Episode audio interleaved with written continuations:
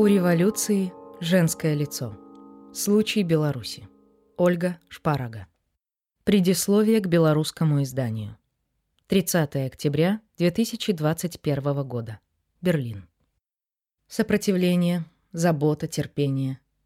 В июле 2021 года с помощью этих трех понятий – я описала в одном из своих текстов новую фазу белорусской революции. Это означает, что на смену многотысячным протестам – пришли рассеянные партизанские тактики сопротивления, что солидарность требует все больше заботы о психическом здоровье, о собственном и других людей, и что нам всем нужно терпение.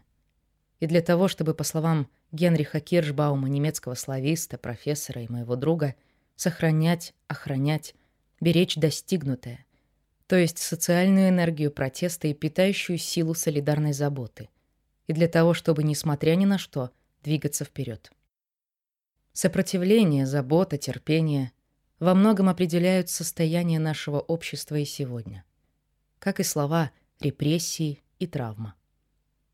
По данным правозащитного центра «Весна», количество политических заключенных превысило на конец октября 2021 года 800 человек, а по данным ряда других белорусских правозащитных организаций – 1200.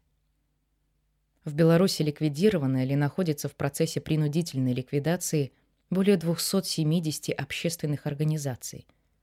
И многие их представительницы и представители, а также журналистки и журналисты из независимых медиа оказались в тюрьмах, где продолжают подвергаться унизительному обращению и пыткам. Ужесточено законодательство, регулирующее гражданское участие. Мария Колесникова осуждена на 11 лет колонии общего режима. Виктор Бабарика на 14 лет колонии усиленного режима. Однако эта книга не про нынешнее состояние белорусского общества, о котором будут написаны отдельные книги. Она про начало революции, про ту роль, которую в ней сыграли женщины, а также про широкую общественную активизацию, начавшуюся летом 2020 года, горизонтальную и инклюзивную. Полгода спустя после выхода этой книги на немецком языке я по-прежнему убеждена, что точка невозврата пройдена, и что мы, наше общество, и в этих сложных и трагических условиях движемся вперед к желаемому демократическому будущему. Сегодня я также рассматриваю этот текст как свидетельство, которое создавалось в определенный момент по горячим следам моего собственного участия в различной революционной активности лета-осени 2020 года. Возможно, сегодня я размышляла бы об этих событиях и процессах несколько иначе. Отдавая себе в этом отчет, я тем не менее решила оставить свои размышления и оценки без изменений, чтобы дать голос самому событию, которое меня захватило и определило мое письмо. Это издание стало возможным благодаря моим австрийским друзьям и партнерам «Транзит», нетворкингу автономных инициатив в сфере современного искусства Австрии, Чехии, Венгрии, Румынии и Словакии.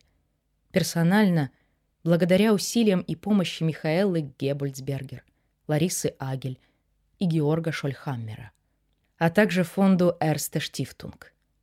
Партнером выступил белорусский проект «Политзаключенный мой друг». В отличие от немецкого издания, белорусское дополнено работами белорусских художниц, фотографов и фотографок. В этой книге я сохранила ссылки на цитируемые статьи в том виде, в котором они присутствуют в немецком издании. К сожалению, часть из них сегодня уже не открывается, потому что многие белорусские интернет-порталы, в том числе крупнейшие из них, Тутбай, были закрыты режимом, либо были вынуждены поменять адреса. Хотя многие из них стали недоступны, они не исчезли безвозвратно и со временем будут функционировать как архивы. Я также хочу выразить благодарность всем тем, кто помогал мне в работе над этим изданием.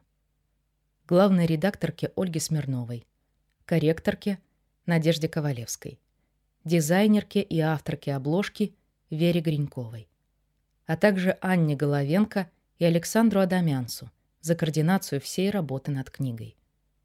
Также хотела бы выразить благодарность за поддержку немецкой инициативе Мартина Рота.